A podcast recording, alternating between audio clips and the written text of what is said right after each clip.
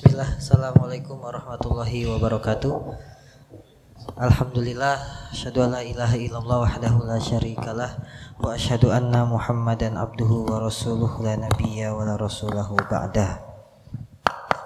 Allahumma salli wa sallim wa barik ala nabiyyina Muhammadin sallallahu alaihi wasallam amma ba'd. Silahkan teman-teman bisa merapatkan tempat duduknya. Kita masuk ke sesi tanya jawab seperti yang ada di Snapgram bahwa kita buat tanya Ustadz via DM dan ini insya Allah akan dijawab satu persatu. Mudah-mudahan ini mewakili isi hati antum semua. Insya Allah ya. Kita buka dulu dengan basmalah. Bismillahirrahmanirrahim.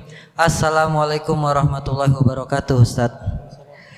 Afwan Ustadz pertanyaan sesuai tema Ana mau tanya bagaimana cara agar melupakan kenangan dan masa lalu. Wah, bener kan? Ini Ana tahu ini siapa ini DM ini.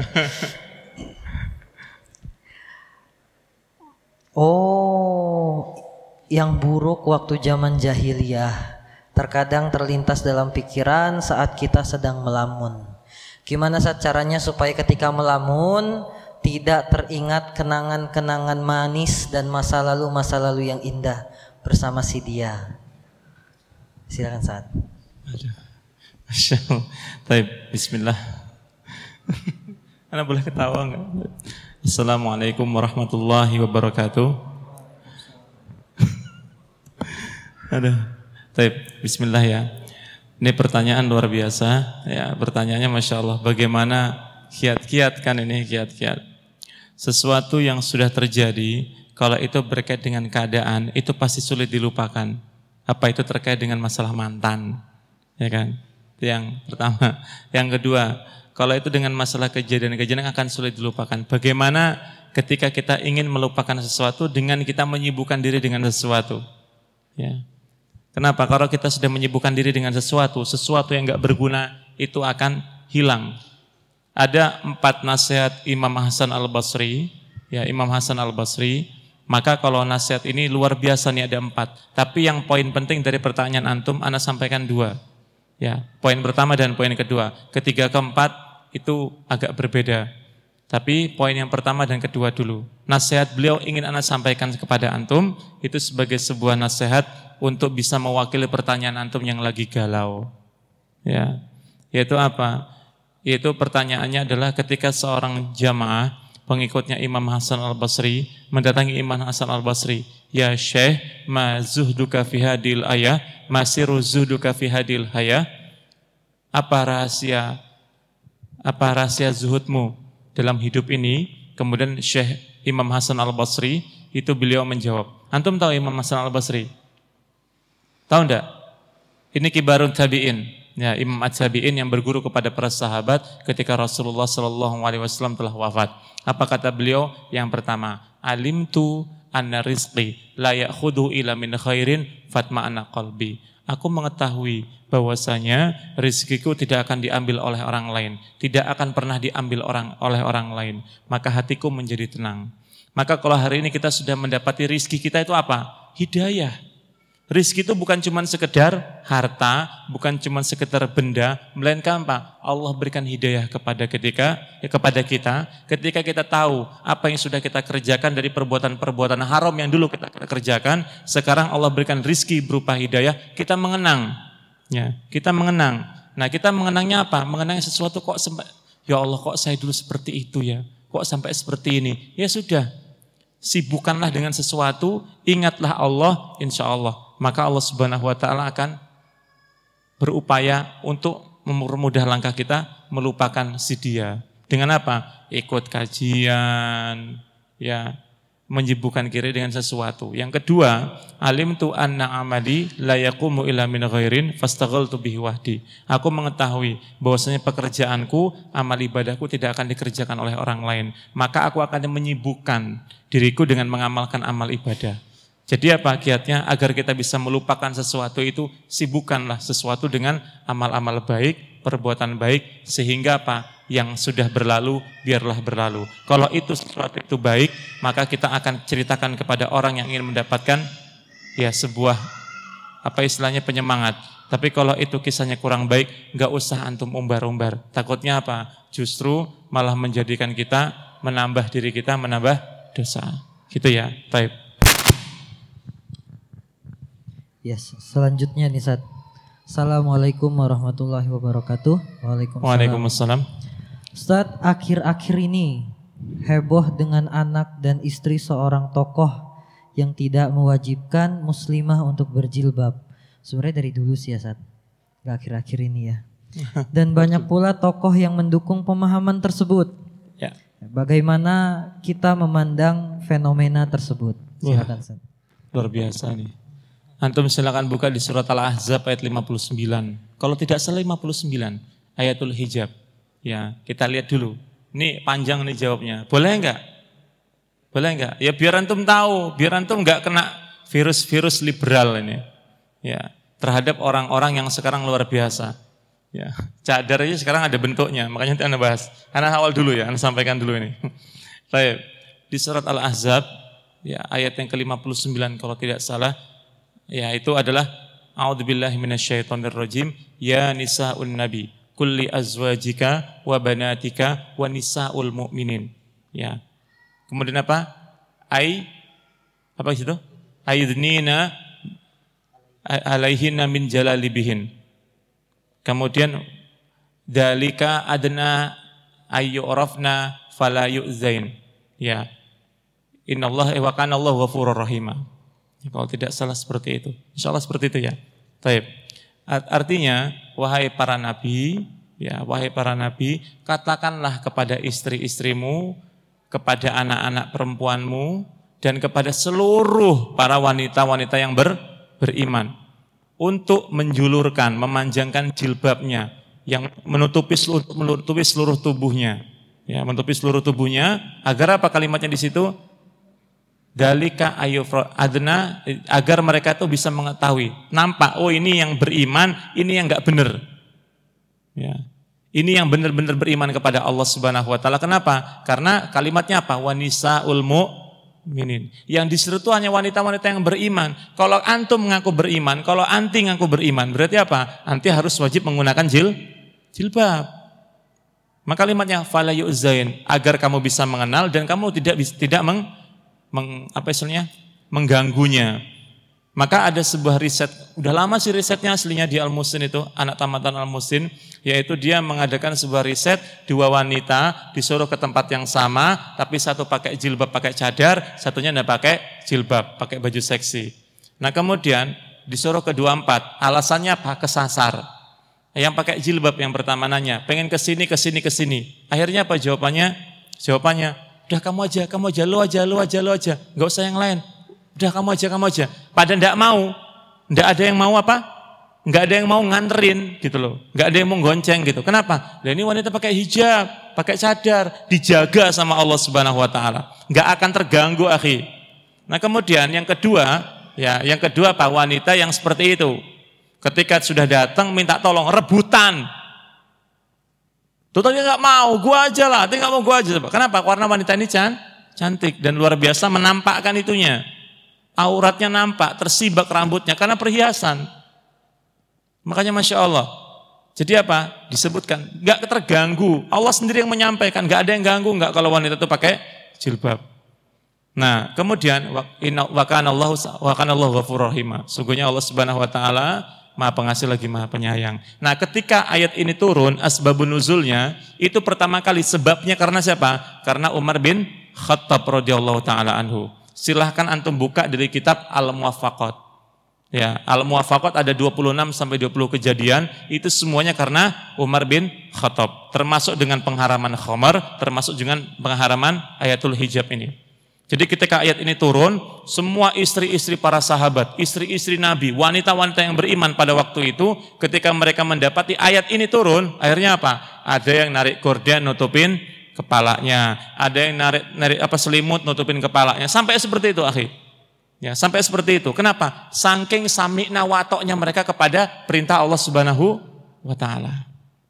Kenapa? Ini membuktikan bahwasanya jilbab itu bukan budaya Arab. Jilbab itu syariat Islam yang turunnya di Arab. Kenapa? Karena sebelum ayat ini turun, berarti apa? Istri-istri para sahabat pada waktu itu belum ada yang pakai jil, jilbab. Karena ada sabab nuzulnya dari Umar bin Khattab radhiyallahu taala anhu, turunlah ayat tentang hijab. Akhirnya apa? Seluruh wanita-wanita yang beriman, baik dari kalangan istri sahabat maupun dari istri Nabi Muhammad sallallahu alaihi wasallam, mereka mengenakan hi, hijab. Kalau hari ini ada orang ngomong, jilbab itu kan budaya Arab. Itu buktinya anak saya nggak pakai jil, ngawur itu. Kenapa kok ngawur? Karena jilbab memang bukan budaya Arab, melainkan syariat Islam yang turunnya di Arab. Yang kedua, nah kemudian dengan fenomena-fenomena sekarang, sampai suami istri dapat telepon dari malaikat Jibril, sampai mereka mengatakan, ya gitu kan, sampai mereka mengatakan nggak boleh pakai jilbab, nggak boleh gini, buat apa jilbab itu kan cuma sekedar gini. Buktinya juga ada yang pakai jilbab, mereka juga kelakuannya nggak jauh beda dengan yang nggak pakai jilbab. Bener nggak? Pernah ada sampai seperti ini? Kenapa? Karena orang-orang sekarang tersusupi dengan virus-virus liberal. Namanya kalau sudah virus, itu akan menjangkiti. Kalau virus itu kan sudah pasti akan menjangkiti. Bagi kita seorang laki-laki maupun wanita. Akhirnya apa? Ya sekarang itu seperti itu. Seolah-olah ngapain pakai jilbab? Yang penting sudah kita hijab, jadi kita jilbabin hati kita. Ya bodoh kalau kayak gitu. Kenapa? Karena kewajiban wanita itu menutup aurat. Kewajiban laki-laki salah satunya apa? Ya nafkah. Beda tempat. Ini mau disamakan, tidak bisa. Ya, tidak bisa. Makanya kalau sampai kita melihat antum punya istri, ya sudah pakai jilbab itu jangan sampai jilbab yang menarik pandangan. Karena zaman dahulu tuh jilbabnya menutup semuanya gelap-gelap. Nah, kemudian masalah cadar. Cadar nih luar biasa ini. Islam ini sekarang semakin dikecam, semakin berkem, berkembang. Ya, serius. Karena di zaman dahulu mungkin jarang orang kita mendapati wanita-wanita pakai cadar, pakai nikop kalau bahasanya. Nah kalau sekarang, jangankan di kota akhi, di kampung anak yang jauh belesit sana listrik kadang-kadang hidup, kadang-kadang enggak. Ya kalau sekarang insya Allah hidup terus, itu aja yang pakai cadar itu bah, banyak. Kenapa? Karena hari ini ketika kita melihat hijab itu dilarang, malah semakin banyak orang pakai hijab. Itu membuktikan bahwasanya apa? Islam itu akan bangkit. Tapi kita harus tahu, ada namanya nikop, itu namanya cadar, ada namanya burdah, itu nutupin kening. Karena pernah lihat, nutup sini, nutup sini kan? Ya kan? Itu namanya burdah. Ada nabi namanya burko. Burko itu sarang burung, nutupin mata sekalian. Tapi itu yang tutupi sarang burung itu kainnya yang yang tipis, ya kayak jilbab saringan tahu lah, kayak selimut, eh selimut apa? Selambu. Ya, jadi dia nyerawang-nyerawang gitu. Nah, tapi sekarang ada orang-orang yang berupaya membuat cadar itu menjadi sesuatu yang menarik. Nah, ini hati-hati dengan wanita-wanita yang halu-halu selebgram itu. Ya. Kenapa? Pakai cadarnya, wis, tapi pakai cadarnya itu malah menarik malahan. Karena apa? Sifatnya wanita itu pengen pengen dilihat, dilihat sama laki-laki yang bukan mahram, dilihat juga sama suaminya. Makanya antum sampaikan kalau antum punya istri, punya wanita di rumah itu udah pakai cadarnya yang biasa aja, udah tutup gini yang tali gitu malah lebih bagus. Ketimbang apa? Yang harus pakai gini, pakai tutup kayak gini, gini kembang-kembang. Aduh, Masya Allah. Itu bukan apa? Bukan, memang niatnya menutup aurat. Tapi apa? Pengen dilihat itu aslinya. Ya, wallahi pengen dilihat tuh hatinya. Walaupun dia ngomong, enggak ah Ustaz Jupri salah. Ya antum silahkan ngomong anak salah. Tapi anak yakin akhi. Kenapa? Anak pelajari itu dari istri anak. Karena dia sampaikan, kalau kayak gini aslinya enggak bener loh mas. Dia yang tahu, dia aja pernah pakai cadar. Sekarang dia jarang pakai cadar. Kenapa? Ya Anda sampaikan kalau kamu pakai cadar pakai terus kecuali kalau darul mafasidnya. Maksud darul mafasid kalau berada di sebuah tempat yang tempat itu berbahaya daripada dia kena fitnah, lepaslah cadarnya. Tapi kalau misalnya dia di tempat yang itu apa supportnya begitu semuanya pakai cadar ya wis pakailah cadar gitu ya. Tape seperti itu ya. Pertanyaan selanjutnya saat perkembangan Syiah di Indonesia, khususnya di Bandar Lampung. Syiah, oh kata beliau ini semakin merajalela Ustaz. Hmm. Dan bagaimana kami para penuntut ilmu membedakan antara orang-orang Syiah ataupun majelis ilmunya Syiah dengan orang-orang ahlu sunnah ataupun majelisnya ahlu sunnah. Baik. Wah luar biasa. Yang ditakutkan, yang ditakutkan oleh Babe Haikal kan cuma dua aslinya kan. Ketika beliau menyampaikan orasi itu. Pertama komunis, kedua syiah. Anda masih ingat banget nih. Mungkin antum ingat insya Allah. Komunis kan tahu tuh sendiri antum gimana kan perkembangannya. Ini syiah. Dulu anak ketika masih kuliah itu kan S1-nya anak ditolak terus. Ya ditolak terus sama mentor yaitu Ustaz Ahmad Bah mungkin jenengan tahu. Kalian tahu, antum tahu. Udah udah bahas Syiah aja. Nah bahas Syiah kita suruh ke Irianian Corner. Wah di, di share lagi nih. ya Irianian Corner. Nah itu kita ke sana dikasih batu Karbala ketika kita mau sholat. Kenapa? S1 Ana itu bahas masalah Syiah. Jadi Ana tahu semuanya jadi pengerti Syiah, Syiah gimana. Jadi Syiah itu, Syiah itu mereka itu memiliki sebuah kaidah yang luar biasa yang kita sampai kadang-kadang nggak tahu tetangga kita tuh syiah atau bukan. Yaitu dengan apa? Takiyah. Takiyah itu menyembunyikan identitas.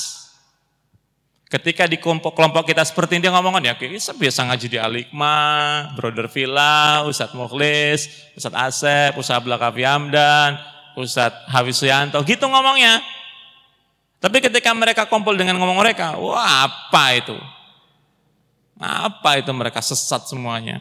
Nah makanya hati-hati bagaimana mengetahui ciri-ciri mereka, bagaimana mengetahui ciri-ciri pengajian-pengajian yang berhaluan seperti itu. Kita lihat sekarang. Kita lihat kenapa? Lihatlah ketika nanti sebelum masuk bulan Muharram. Karena orang-orang Syiah itu ketika sebelum bulan Muharram mereka mempersiapkan sesuatu untuk mengingatkan dalam penyampaian-penyampaiannya apa? masalah pembunuhan Hasan dengan Hussein. Ini yang pertama. Yang kedua, kuliahnya di Iran, di KUM Iran. Ya, ambil kuliah di KUM Iran. Wah, coba hati-hati ini. Kemudian yang ketiga, apa itu sahabat anu sahabat Abu Hurairah itu kafir itu. Usman kafir. Pahlawan mereka tuh cuma satu, yang membunuh yang membunuh Umar bin Khattab. Siapa namanya? Abu Lu'lu al-Majusi. Itu pahlawan mereka tuh. Bahkan sampai mereka buat Kuburannya itu mereka sembah. Nah, jadi kita melihat ketika ada orang yang mengaku muslim mereka benci kepada sahabat, itu indikator mereka itu adalah syi, syiah. Yang kedua, ketika masuk sebelum masuk bulan Muharram, mereka banyak ngomong-ngomong masalah-masalah keluarga ahlu bait, ahlu bait, ahlu bait. Hati-hati, mereka cenderung kepada perbuatan syi, syiah. Yang ketiga, lihat kita cari informasi, ada lembaga-lembaga dakwah yang mereka mengatasnamakan lembaga dakwah dan sosial, tapi kita lihat mereka tujuannya ke mana? Ada di, di Lampung ini ada, wah ada pendidikannya aja ada. Tembus loh itu dinas pendidikan itu. Kalau pengen tahu siapa, nanti empat mata. Kenapa? Karena tempatnya luar biasa ini. Karena undang-undang TE kalau anda sebutkan di sini. Ya, kenapa? Oh, Masya luar biasa. Takiyah ini. Menyembunyikan identitas mereka. Jadi bagaimana kita mencari kajian-kajian yang sunnah? Lihat. Pertama lihat ustadznya. Ya, Kajian sekarang tuh lihat dulu ustadznya. Kemudian apa? Lihat jamaahnya. Lihat tempatnya. Curigain tempat yang baru-baru. Bukan anak nyuruh antum gak ikut kajian. Curigain tempat yang baru-baru. Kenapa? Mereka sekarang sudah juga sudah membuat flyer, sudah buat quotes, sudah buat ya broadcast-broadcast. Ya. Hindari tempat-tempat yang baru. Kalau antum lihat dulu, yang baru yang isi siapa? Oh, ustadz ini. Ya udah, antum ikuti. Insya Allah beliau nyunah. Tapi kalau antum lihat, ini siapa? Ustadz yang nggak kenal, sopo mana ustadz ini? Dah, antum nggak usah ikutin. Hati-hati. Ya, kenapa? Karena berhati-hati itu lebih baik daripada kita cemplung, kita nggak punya hujah, kita nanti malah kena argumen mereka, kita gabung kepada kelompok mereka yang sesat dan menyesatkan. Ya. Sekarang tuh banyak Kenapa? Mereka menjadikan lahan dakwah sekarang itu lahan dakwah lahan yang hijau. Lahan yang hijau, akhi. Di mana-mana sekarang kajian loh di Bandar Lampung ini. Dari Yaumul Isnan atau Yaumul Ahad. Dari Ahad sampai ya, sahabat pokoknya dari Ahad, kemudian Isnin, Isnin itu Selasa, ya, Isnin, Isnin itu Senin, Selasa, Rabu, Kamis, Jumat, sampai Sabtu malam ini, itu semua ada kajian di mana-mana. Tapi kita lihat di mana kita tinggal, di mana kita ingin ngaji, lihat kajian itu siapa yang ngisi. Kalau ustadznya kenal, alhamdulillah. Kalau nggak kenal, nanti kan pengurusnya pasti nyampein akan diisi oleh ustadz ini, ya kan? Nah kalau antum memang nggak tahu, antum kan bisa share, bisa searching. Ya, apalagi di sekarang internet kan di mana-mana. Antum punya HP, lihat ustadz ini ada ndak? pengen lebih tahu lagi cari di YouTube. Insya Allah kalau ustadznya itu terkenal akhi, itu di YouTube pasti ada. Pasti ada itu. Ya. Tapi terkenal gimana? Kita lihat ulama itu terbagi menjadi du, dua. Hati-hati ya, ada ulama yang su, ada ulama yang hanif. Ulama su yang tadi ngomong yang ngomong jilbab tuh budaya Arab, bukan syarat Islam. Itu buktinya anak saya nggak pakai jilbab. Ini paling kejadian udah lama loh ini. Apalagi yang sekarang, ngapain pakai jilbab-jilbab itu? Yang kita jilbab itu hati kita. Nah, ngawur itu. Coba. Ada yang ngomong seperti itu. Ada hati-hati. Ya, hati-hati. Kemudian, ya wanita-wanita yang sampai mereka ngajak-ngajak emansipasi, gini-gini, gini, dan lain sebagainya. Makanya hati-hati ya, hati-hati. Kalau antum mencari pasangan, carilah pasangan yang jangan, yang dia tidak suka mengekspos dirinya di media sosial. Kenapa? Takutnya antum juga nanti kena penyakit ain. Tahu ya penyakit ain ya? Ya penyakit ain, takutnya seperti itu. Ya. Pengen tahu definisi penyakit ain? Cari di Google. Baik, barakallah. Baik terakhir saat uh, mungkin ini bagaimana cara menasehati teman-teman yang masih melakukan keburukan karena pengalaman orang yang nanya ini, beliau pernah menasihati tapi malah temannya kabur dan akhirnya makin tersesat ataupun makin mengerjakan perbuatan-perbuatan buruk yang lainnya. Itu berdasarkan pengalaman si penanya. Jadi kiat-kiat untuk menasihati teman-teman yang masih melakukan perbuatan buruk agar tidak kabur atau mungkin malah didiamkan saja Gisat kata seperti itu dilihatin aja gak usah dinasehatin gimana Eh, sifat manusia itu kan ada dua aslinya. Sifat kebaikan manusia itu ada dua. Pertama solih, kedua muslih. Ya, ada solih, ada muslih. Sifat kebaikan manusia cuma dua ini. solih dan muslih. Solih itu ya pribadi sendiri, muslih itu memperbaiki. Maka ketika kita sholat lima waktu, kita zakat, kita puasa, kita berwudu, sholat tahajud, itu kita pribadi yang solih. Itu kita amar ma'ruf ya. Mengerjakan yang yang ma'ruf. Nahi mungkarnya belum. Tapi kalau nahi mungkar itu namanya muslih. Ketika kita mendapati teman kita saudara kita minum berdiri. Ahi nggak boleh minum berdiri. Kan boleh minum berdiri. Itu kalau air zam-zam. Antum air apa? Aqua duduk selesai kan ngomongnya gitu jadi ingatkan aja dengan kalimat yang santuy ya kalimatnya apa yang santai nanya ahi nggak boleh makan berdiri, makanya duduk. Afwan ya. Lebih enak lagi kalau antum mengingatkannya afwan. Afwan ahi, kelihatannya antum salah tadi sholatnya. Loh gimana? Antum tadi sholat subuhnya empat rakaat. Nyampaikannya apa? Nyampaikannya pelan. Dia masbuk pertama kan. Dia sudah sholat ke masjid, antum sudah selesai sholat, dia datang dia sholat, ternyata apa? Saking semangatnya dia sholat, dua rakaat jadi empat rakaat.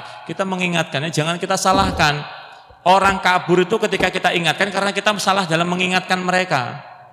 Kesalahan kita hari ini apa? Suka menyalahkan tapi nggak pernah klarifikasi dengan cara yang baik, adab. Yaitu apa? Tanya, Afwan, syukur-syukur assalamualaikum. Assalamualaikum akhi, Afwan, sehat, sehat. Afwan sebelumnya, anak nanya sama antum, tadi perasaan antum sholatnya lebih loh. Antum tadi kan sholatnya empat rakaat. Oh gitu ya. Oh ya udah kalau itu afan. Anak ulangin nggak? Nggak usah diulangin. Enak kalau gitu. Nah kalau sekarang kan lucu, mentang-mentang sudah ngaji, sudah tahu ilmu, teman yang melakukan kesalahan kita sana. Antum tuh ngapain sholat kayak gitu? Nggak ada kayak gitu, sesat antum. Keluar dari Islam antum, kafir antum kayak gitu. Ya Allah. Sekarang itu masalah apa? Perbedaan manhaj saja dengan ngomong itu nggak sesuai dengan manhaj kita. Bukan kelompok kita. Kan ngawur. Manhaj itu, itu baru abad-abad sekarang. Karena iman itu paling tinggi. Manhaj cuma hanya konsep aja, metode itu. Enak bener dia ngomongnya itu, enak betul dia ngomong masalah manhaj manhaj itu. Ya, jadi apa? Mengingatkan. Itu beda manhaj Ustaz. Enak banget antum ngomong beda manhaj. Ya. Tidak bisa. Mazhab itu masalah fikih, furu'iyahnya gimana, ihtilafiyahnya gimana, manhaj itu masalah akidah, ini seperti apa, konsep usulnya gimana, seperti itu. Tapi kalau masalah iman, itu di atasnya manhaj dengan mazhab. Sekarang kan lucu kajian-kajian Ketika kita nggak boleh ngaji, itu manhajnya apa? Itu manhajnya si A, manhajnya si B. Ngawur itu. Ya, nggak boleh. Kita menempatkan keimanan kita di atas. Sehingga apa? Kita semua orang beriman. Jadi bagaimana cara kita menyampaikan dengan kalimat yang santuy, ya ibaratnya dengan adab yang begitu luar biasa, sampaikan dengan pengingat-pengingat yang luar biasa. Syukur-syukur antum mendoakan sebelumnya. Assalamualaikum akhi, Masya Allah. Sehat antum ya? Sehat. Berkah ya keluarganya, Alhamdulillah. Afwan, sebelumnya antum tadi perasaan sholatnya lebih tadi. Nah gitu kan enak. Ngomong-ngomong antum tadi sholatnya nggak sah itu. Nggak sah sholatnya itu, dosa antum kayak gitu tuh. Masuk neraka gitu. Ya orang kabur lah. Ya. Kabur orang itu, bisa jadi muntaber dia. Mundur tanpa be, berita. Ya, bukan muntaber beneran. Jadi apa? Adab kita menyampaikan. Tugas kita itu menyampaikan. Tugas kita sebagai seorang muslim itu menyampaikan. Sebagaimana Nabi Muhammad SAW menyampaikan. Inna la tahdi man ahbabta, walakin Allah yahdi mayasya. Dengan cara yang adab yang benar. Agar apa? Orang itu tertarik, orang itu mengamalkan, yang tidak suka menjadi suka, yang suka menjadi istiqomah, yang istiqomah mengajak yang lain. Gitu ya. Baik, barakallah. Tadi perasaan ada pertanyaan masalah permen tadi. Ya. Ya. Taib, hukum makan permen. Aduh, antum nih gimana ini? Nah, Taib. Gini loh. Ada benda cair, ada benda padat ya. Ingat nih, Air itu cair apa padat? Padat. Nasi cair apa padat? Baik. Kalau masalah minum, itu minum itu kan Rasulullah itu kan minum air zam-zam yang berdiri. Kalau air yang lain beda. Taib itu yang air, ini padat. Permen sama nasi bedanya apa? Permen sama tulang bedanya apa? Sop tulang itu keras. Permen antum krek gitu kan. Berarti apa? Makanan itu makan sambil berdiri, makan permen sambil berdiri. Sama aja kayak antum makan nasi sambil sendiri. Boleh enggak? Ya enggak boleh. Apa bedanya antum dengan mbek? Ya kan? Ya enggak boleh. Kenapa? Karena kita dilarang oleh Rasulullah SAW untuk makan sambil be berdiri. Jadi apa? Makannya sambil duduk, minumnya sambil duduk. Kecuali minum air zam, zam-zam. Ngadepnya ke kiblat ada doanya. Nah, gitu ya. Baik, barakallah. Oh iya.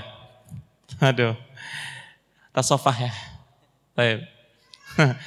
Hukum bersalaman dengan guru yang bukan mahram. Boleh nggak? Ya enggak boleh lah. Ya enggak boleh. Nah bagaimana dengan murid? Nah ini kita sampaikan di SD. Anak kelas 5 dan kelas 6 sudah tidak boleh mencium tangan guru yang bukan mahramnya. Gitu. Kita mulai dari kelas 5. Ya, kenapa? biar anak itu terdidik. Oh itu bukan anu, bukan itu saya. Ya, jadi jangan salaman. Kenapa? Anak-anak sekarang itu kelas 5 SD sudah besar, ya. Dulu ketika anak masih awal ngajar, itu kita masih tekankan di kelas 6. Sekarang ketika sudah masuk 2020 ini anak ngeliat loh, kelas 5 kok udah gede-gede, udah tinggi-tinggi, udah besar-besar. Baju ibunya sudah nggak muat dipakai sama dia.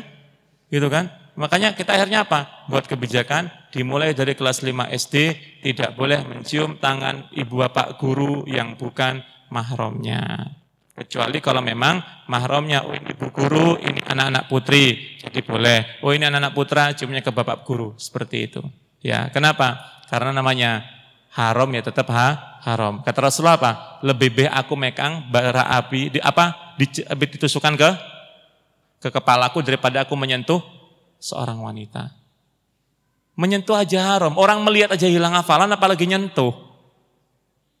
Imam Syafi'i kan ngelihat hafalannya rusak kan? Ini kalau nyentuh, keluar ahadmu hilang. Ya kan? Lo serius? Ya. Kenapa? Hati-hati. Sekarang itu kan Masya Allah. Gak tahu hujan, gak tahu panas, tahu-tahu datang, gak kenal salam, cipika cipiki. Emang antum artis. Kita ini mukmin, bukan artis. Kalau artis oke okay lah mereka nggak tahu hukumnya. Kita kan tahu hukumnya, haram itu. Tidak boleh kita ker kerjakan. Taib seperti itu ya. Barakallah. Cukup. Taib. Ya jazakallah khairan untuk Ustadz Jeffrey. Uh, pengumuman buat teman-teman semua yang ingin memiliki tabungan akhirat kami membuka peluang bisa dilihat di depan teras masjid. Teman-teman bisa memiliki sebuah kenceleng unik yang berwarna orange. Cukup lucu. Buat istrinya boleh, buat ibunya boleh, buat pacarnya nggak boleh. Berarti nggak boleh pacaran. Ini bayangan anak SMA sepertinya.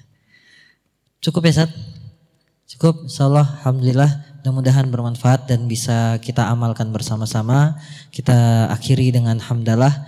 Alhamdulillahirabbil alamin. Subhanakallahumma wa bihamdika asyhadu an la ilaha illa anta astaghfiruka wa atubu ilaik. Assalamualaikum warahmatullahi wabarakatuh.